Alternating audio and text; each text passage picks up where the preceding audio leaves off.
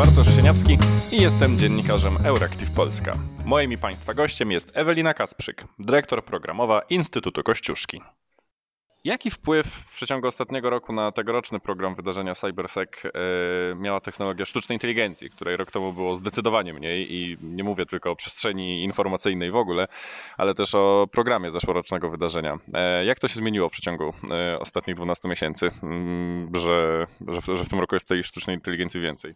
Jest trochę więcej, ponieważ też więcej się dzieje w stosunku do sztucznej inteligencji. Widzimy, że ta technologia jest rozwijana bardzo dynamicznie przez różne ośrodki zarówno przez e, firmy prywatne, które pracują nad konkretnymi rozwiązaniami, konkretnymi narzędziami, również fundacje czy też e, NGOsy pracują nad tym, jak można taką technologię oceniać, jak można sprawić, żeby była bardziej etyczna i wreszcie również instytucje publiczne, e, takie jak Unia Europejska, również pracują nad tym, żeby trochę uregulować ten rozwój sztucznej inteligencji, tak żeby ona była jak najbardziej etyczna i przyjazna dla człowieka. Jakie są obecnie najważniejsze kierunki rozwoju cyberbezpieczeństwa, które braliście jako Instytut Kościuszki pod uwagę przy tworzeniu tegorocznego programu? Przede wszystkim e, właśnie ten aspekt obronny, ponieważ wojna w Ukrainie wciąż trwa i musimy tutaj brać to pod uwagę i rozmawiać również na tematy powiązane z wojną w Ukrainie, czyli na ataki na infrastrukturę krytyczną, na dezinformację i tak dalej.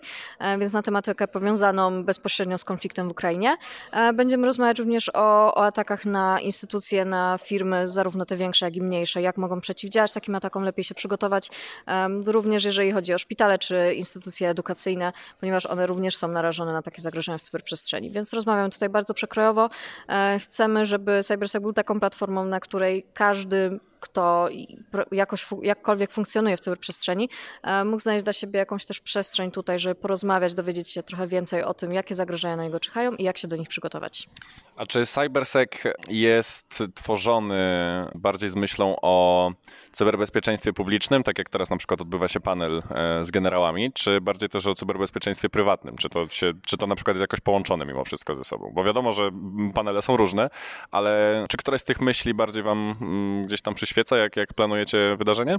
Jest to połączone, bo też zależy nam na tym, żeby, tak jak powiedziałam, każdy mógł tutaj znaleźć dla siebie miejsce. Czy to jest osoba z reprezentacja sektor publiczny, czy sektor prywatny, czy społeczeństwo obywatelskie. Każdy człowiek, każdy zwykły obywatel ma tutaj wstęp i, i może brać udział w tym wydarzeniu i dowiedzieć się czegoś ciekawego, e, ponieważ no, na przykład zagrożenie takie jak dezinformacja może dotykać każdego z nas i na pewno dotyka każdego z nas, nawet niektórzy nie zdają sobie sprawy w jakim stopniu. E, więc tutaj jest naprawdę miejsce dla wszystkich i każdy może się tutaj dowiedzieć e, naprawdę bardzo różnych rzeczy na temat swojego własnego bezpieczeństwa w sieci. I to jest właśnie ten cel nasz, żebyśmy tutaj nie skupiali się właśnie tylko na tym aspekcie e, regulacyjnym, czy też e, rozmowach na bardzo wysokim poziomie wśród regulatorów, wśród e, ludzi tworzących prawo, regulujące technologie na przykład, czy wśród big techów, które tą technologię tworzą na, na najwyższym jakby poziomie, tylko też, żeby zwykli ludzie mogli też zapoznać się z tymi zagrożeniami i jak tutaj mogą sobie radzić. Wiadomo, że wydarzenie jeszcze trwa, ale czy pojawiły się jakieś najciekawsze e, informacje, jakieś najciekawsze wydarzenia? Co, co się do tej pory wydarzyło na e, Cybersecu, co można by właśnie podsumować w rozmowie?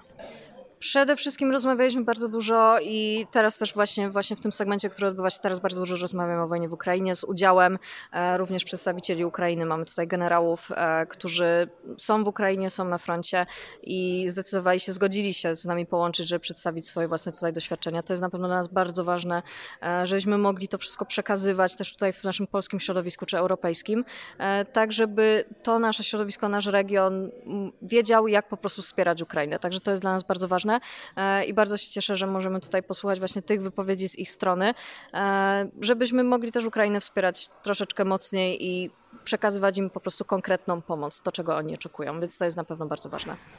To jest pewnie trudne do przewidzenia przy tym, jak bardzo szybko rozwijają się technologie, chociażby właśnie sztuczna inteligencja, o której mówiliśmy, ale czego moglibyśmy się spodziewać na CyberSecu 2024? Jakich tematów, jakich może, je, może jest jakaś technologia, w której widzicie potencjał, którego temat, który temat chcielibyście poruszyć za rok? Myślę, że będziemy rozmawiać o sztucznej inteligencji. To jest y, temat, który, no wiadomo, w ostatnich kilku miesiącach był bardzo szeroko, y, bardzo szeroko rozmawiano o nim w mediach. W, wszyscy, wszyscy po prostu rozmawiają o sztucznej inteligencji i słusznie, bo trzeba o tym rozmawiać, bo ta technologia rozwija się bardzo dynamicznie i mam nadzieję, że za rok będziemy również o tym rozmawiać e, i że będziemy rozmawiać już o większych konkretach, bo też te wszystkie rozwiązania, które teraz widzimy od czata GPT, po już inne konkretne narzędzia bazujące na sztucznej inteligencji, e, jest to taki trochę dziki zachód, jeżeli chodzi o tę technologię, więc mam nadzieję, że w przyszłym roku, jak będziemy o tym rozmawiać, to będziemy mogli porozmawiać o konkretach, o regulacjach, nad którymi teraz pracują e, różne instytucje.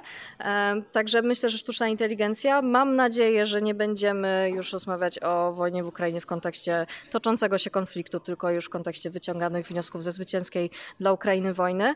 E, myślę też, że będziemy rozmawiać dalej o dezinformacji, ponieważ to jest problem, który stale narasta i również jest nasilany właśnie technologiami takimi jak sztuczna inteligencja, która, czy tego chcemy, czy nie, jest wykorzystywana również do wspierania tych kampanii dezinformacyjnych. Także na pewno będziemy rozmawiać o tych tematach, a zobaczymy, co przyniosą kolejne miesiące.